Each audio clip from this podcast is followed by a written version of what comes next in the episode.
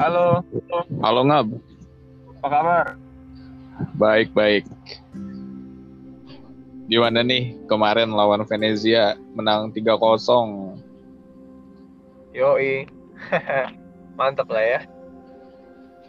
Formasinya sih masih hampir-hampir sama ya. Yang beda cuma Bakayoko doang yang ngeganti Krunic, terus Ibra ngeganti si Giroud sama Mesias yang diganti sama Kali ya. Selemakers ya. Si, Iya, itu ya siapa? Eh, Leo ya, Leo. Iya, Leo. Gimana Oh, babak pertama? tukeran. Ya, babak pertama kita eh, memang di atas kertas sih emang pasti ini sih, maksudnya menang sih, tapi ya untungnya pemain-pemain kita bisa mengkonversi peluang-peluangnya jadi gol gitu. Bahkan gol pertama itu terbilang cepat lah Ngap, gitu. Si kerja sama si Leo sama si Theo. Yang gua eh, lihat itu pertandingan Venezia ini si Leo itu itu loh Ngap. Eh, maksudnya dia dia itu kan dulu-dulu ya berapa kali tuh ngomong sama lu sering deh si Leo ini kenapa sih sama Theo gitu ya kayak kayak mau selalu delay ngedelay bola nggak? Kalau kalau harusnya dia udah lepas itu bola entah jadi trupas entah jadi operan pendek doang gitu ya. Tapi selalu di delay sama dia. Theo nya udah lari ke mana tahu di, di selalu di delay sama dia. Tapi pertandingan lawan uh, Venezia ya kemarin ya. Venezia itu gue lihat si Leo ini ini loh mainnya tuh uh, lugas gitu. Maksudnya kalau bolanya harus dilepas ya dilepas sama dia kalau di dribble ya di dribble sama dia gitu. Jadi uh, banyak perkembangan sih menurut gue si Leo ini. Gitu. Dan buktinya ya ya tiga tiganya golnya dari sana nggak gitu. Hmm, dari sisi kiri ya. iya jadi si tinggi. Kerjasamanya apik banget dia sama si Theo. Gitu si Leo ini. Padahal kalau dilihat-lihat kemarin itu yang main tiga back si Jajar itu malah Theo, Gabia sama Kalulu ya yang yang sering maju malah Florenzi tapi emang kerjasama di sisi kiri itu lebih rapih daripada di kanan kan. Iya betul. Ya itu gua bilang sih yang uh, pas lawan Roma itu kita kita bikin podcast kan si Theo ini ya uh, walaupun dia build selang serangan dari belakang banget tuh selalu dia itu punya kekuatan buat dribble terus tusuk ke tengah gitu ya. Dan dribblenya itu selalu selalu uh, bisa lewatin satu dua pemain nah, itu benar-benar nguntungin nguntungin Milan sih punya pemain seperti Theo ini gitu. Dan uh, ditambah lagi kerjasama dia sama gelandang sama uh, layout yang si, di sisi kiri itu uh, lagi apik banget. Kalau bisa tiap match begitu sih mainnya uh, makin serem aja tuh sebelah kiri kita gitu. Skill individu ditambah ditambah kerjasama tim yang apik banget begitu sih. Mantep sih ngap. Gitu. Cuma catatannya nih kanan sebelah kanan nih gitu. Lagi-lagi kalau Sale yang main ya gitulah. Mana kemarin salah oper mulu lagi. Parah loh gitu. Iya, mungkin juga karena apa ya? Saya itu didorongnya lebih ke tengah ya untuk untuk eh, nyari bola gitu. Dan emang fokus serangan Milan tuh di sisi kiri yang di mana kayaknya emang makin mantep aja setelah si Theo dikasih ban kapten nih sama Stefano Pioli. bener bener. Bener nggak itu pas pas kalau kita lagi ngurung itu ya lu perhatiin aja Diasnya ada di kiri Salehnya di tengah Florenzi-nya ada di kanan gitu. Theo Leo itu udah kayak udah kayak striker posisinya gitu jadi kayak numpuk di kiri semua begitu gue bilang nih Hmm. Saleh itu bah- bahkan lebih banyak di di tengah agak banyak di tengah sih bukan lebih banyak gitu Hmm. Heeh. Ya. tapi ya begitu catatannya dia sering salah passing terus nggak gitu sepanjang babak pertama dan babak kedua awal-awal itu wah ampun deh masa selalu salah gitu ya passing-passing pendek doang padahal bapuk banget ya Ya, dan selain Saele juga kayaknya Brahim Diaz emang kepercayaan dirinya lagi turun ya. Atau mungkin dia butuh sebuah gol untuk menaikkan kepercayaan diri dia lagi biar kayak ya ini loh gue masih ada gitu. Iya, si Ibrahim ini pas habis covid itu ya, aduh kayak susah banget lagi balikin performa dia kayak awal gitu. Udah kayak cuma pelanga pelongo doang ngap di di lapangan gitu ya, dikasih bola, dicoba di dribble sama dia, di body dikit, lepas, terus passingnya juga nggak bisa ciptain peluang gitu ya. Terus lu Hmm. bahkan gol gol ketiga kita itu eh yang si Ibra nge-shoot terus ditahan gitu ya. Hmm. Yang dari backnya Venezia mau back pass tapi salah itu. Itu Hmm. lihat aja tuh. Bayangin aja nggak yang dapat reboundnya itu si Theo gitu. Si Theo Iya. itu back kiri tapi posisi dia ada di depan gawang. Kan Hmm. lucu gitu. Sedangkan si Ibrahimnya ada di belakangnya Theo. Nah, harusnya Ibrahim itu lebih agresif sih menurut gua. Kayak bola-bola seperti itu tuh kalau dia lihat Ibra nendang begitu kan ada kemungkinan rebound kan. Nah, dia harusnya Hmm. lebih agresif sebagai orang di belakang striker itu. Ya harusnya posisi dia yang ada di garis gawang gitu untuk terima rebound. Tapi ternyata Theo yang di Theo, si Theo ngapnya di situ kan lucu Iya. gitu.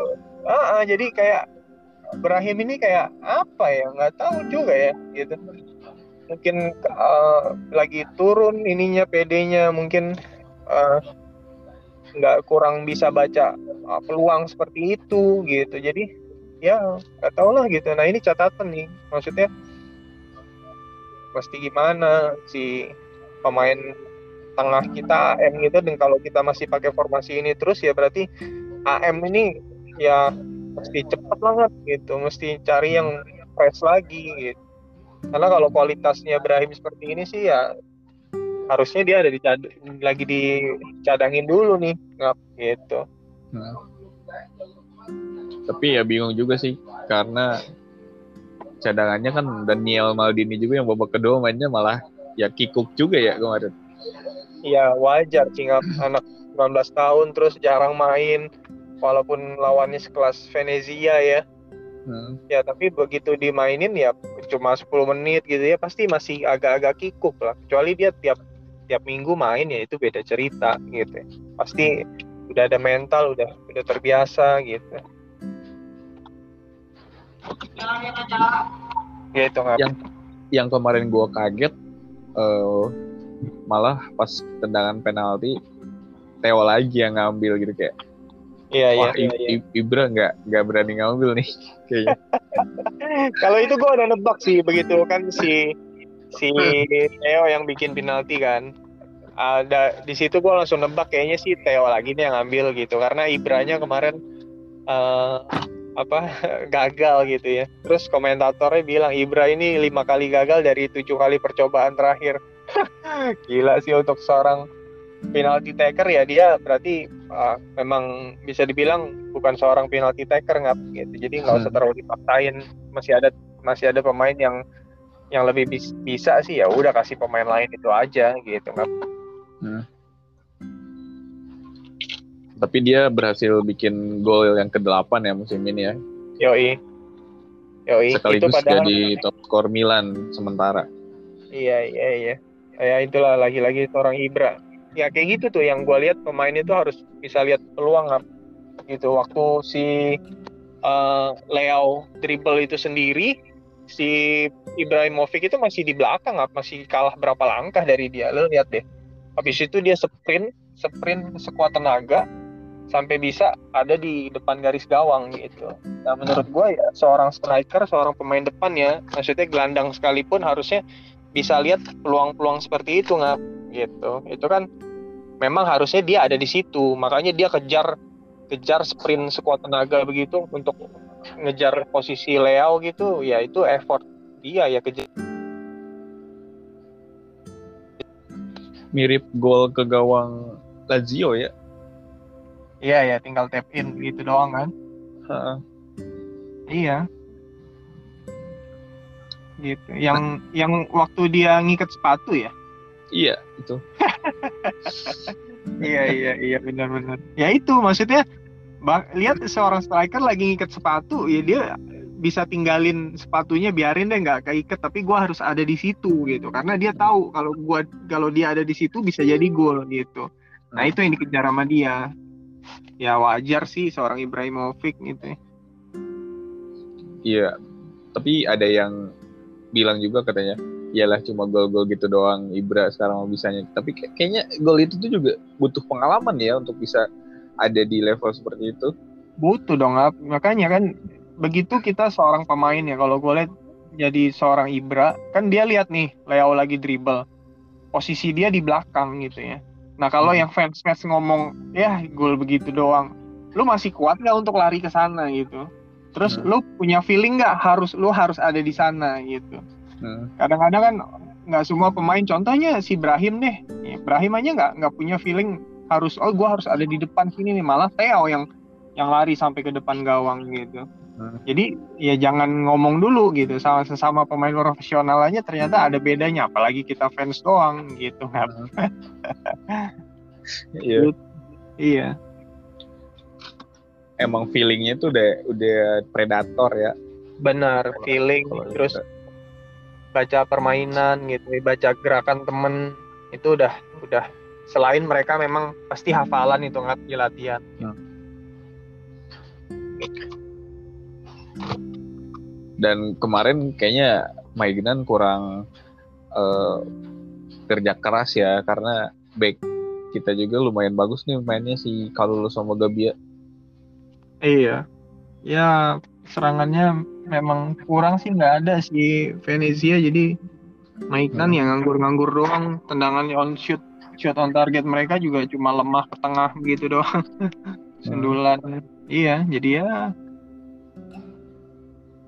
Dan itu uh, sebelum ke back udah dipotong dulu sama si Tonali. Jadi kayak wah keren banget sih kemarin Tonali.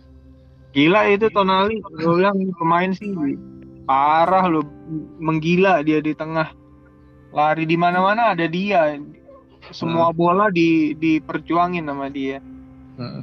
habis sih ya yeah. yang dia ngejar ngejar pemain Venezia itu yang lagi dribble ke dalam gawang gitu Iya. Dikejar uh, sama dia. Oke reke. Sampai jatuh-jatuh dia kan? Iya, sampai jatuh-jatuh. Gila sih itu.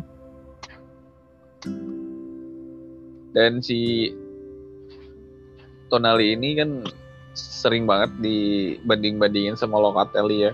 Dan kemarin tuh Locatelli kan bikin duel uh, ke gawang Roma tuh yang menang 4-3 tuh. Mm -hmm tapi sayangnya kan Juve itu kehilangan si Chiesa yang akhir musim.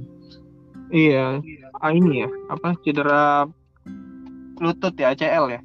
Ha, ACL. Iya iya.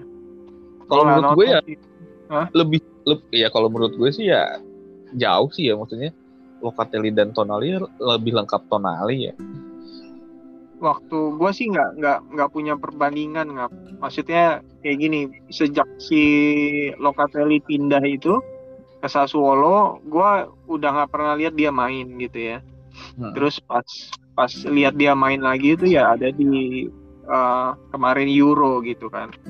Hmm. itu pun dia Cadangan main itu juga. ya dia pun main nggak full gitu ya. Tapi uh, jadi gue cuma bisa perbandingin waktu dia masih di Milan. Dan waktu dia masih di Milan sih memang belum jadi banget sih. Tapi udah kelihatan bakatnya gitu ya. Hmm. tapi ya kalau dibandingin sekarang Tonali dua tahun ada di Milan sih menurut gue ya jauh. Jauh Tonali ke mana-mana perkembangannya gitu. Hmm.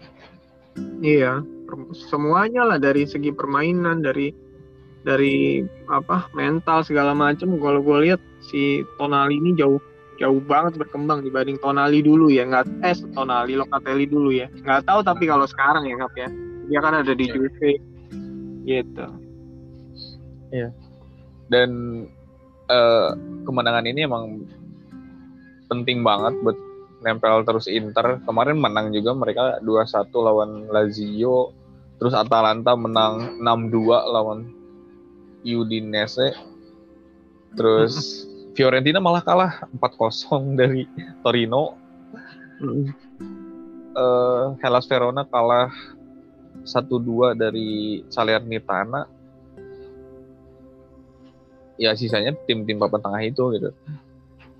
Menurut yeah. lu nih dengan uh, kita masih ada di perburuan gelar gitu. Apakah udah apa ya puas gitu dengan squad kayak gini? Nggak kayaknya apa ya hati-hati banget gitu manajemen Milan tuh datengin satu pemain aja. Makanya ini uh, kalau dibilang puas sih enggak nggak gitu masih. Karena kita tahu walaupun hasil positif ya sejak start 2022 ini lagi itu kita selalu menang dengan kondisi squad seperti ini gitu ya. Bayangin aja back tengah udah nggak ada cadangannya lagi. Nah itu warning sih sebenarnya eh, nggak uh, puas banget nggak harusnya memang segera ditambah gitu ya. Cuma balik lagi manajemen ya punya strategi punya punya apa ya maksudnya cara mereka gitu buat ngerekrut pemain. Kita juga ya fans agak gergetan juga sih pemain yang diincar yang bagus-bagus ada nggak mau semua gitu ya. Ada yang ketikung dengan harga yang dikasih kayak si Botman gitu ya. Mau ditikung si Newcastle langsung ya ya gimana gitu. Makanya mesti cepet-cepet nih kalau memang ada pemain yang cocok dengan Milan kira-kira kriterianya ya udah amanin dulu deh. Yang paling urgent kan memang back kan. Hmm. gitu. Back tengah satu. Sama mung sama mungkin itulah ya. Kalau Januari mungkin Januari Februari ini satu bulan mungkin si Tonali sama Bakayoko sama Kronik mungkin bertiga masih masih menurut gua masih cukup lah untuk nge-backup Benacer sama si Casey gitu. Cuma masalahnya di tengah lagi nih nggak di AM. Menurut gua um, Brahim ini harus cepet nih ininya dapat uh, temennya gitu. Iya. Iya dan yang baru terrealisasi malah kepergian Conti nih ke Sampdoria. Iya Conti. Ya bagus apa ya? Ya gue seneng sih maksudnya Conti daripada dia di Milan. Kemarin sempat main ya akhirnya dia ngap ya. Lawan Roma ya. ya. Iya sebentar tapi ya ya oke okay lah. Akhirnya dia pindah juga. Ya mudah-mudahan yang terbaik lah buat Conti gitu. Iya. Dan kemarin pun ada yang debut juga uh, Lukas Tanga uh, pemain Primavera yang menggantikan Florenzi katanya dia udah dari umur enam tahun uh, membela tim junior Milan gitu. Mm -hmm. Mm Masa depan juga nih. Oh iya, ya bagus lah. Jadi ada regenerasi ngap. Gitu. Tapi back kanan kita sih itu sejak dari Abate gitu selalu pemain bagus? Primavera ya. ya. Iya, selalu pemain Primavera. Si Abate, si siapa kapten kita? Lupa gue. Calabria. Calabria iya. Rio. Iya iya. Ya next kita akan menghadapi Genoa di Copa. Eh, emang ini harus benar-benar rotasi ya nggak? Seenggaknya Mirante kasih main lah ya. Iya benar. Dibeli buat jadi cadangan doang kasihan juga sih. Iya Seenggaknya lah kasih waktu. Oke, Tonali pinter ya kemarin ya. Apa? aja dia dapat kuning ya. Oh iya, biar absen lawan Spezia ya. Iya iya. Taktik begini sih emang udah dari dulu sih gua uh, tahunya maksudnya pemain itu kalau ada jadwal padat di depannya sengaja dia cari-cari kuning gitu. Iya, ada hitung-hitungannya. Iya benar ada hitung-hitungannya. Ya, pinter lah menurut gua. Sebetulnya itu pernah kejadian juga di zaman uh, waktu Jose Mourinho tuh yang nyuruh Sabi Alonso buat kartu merah biar apa gitu di Liga Champions waktu itu. Lupa Oh, gua. iya iya. Pernah kok itu waktu dia di Chelsea apa apa di mana ya itu ya? Madrid, Madrid. Oh Madrid ya, Madrid ya. Iya. Pernah kok itu pemain Milan juga berapa kali kok begitu. Pernah gue lihat dulu zaman zaman zaman zaman gue awal-awal nonton Milan itu udah udah ada strategi taktik strategi begini kartu kuning ini akumulasi itu udah ada jadi nggak iya. kaget sih gitu karena ya pertandingan lawan Genoa tanda kutip ya penting nggak penting up gitu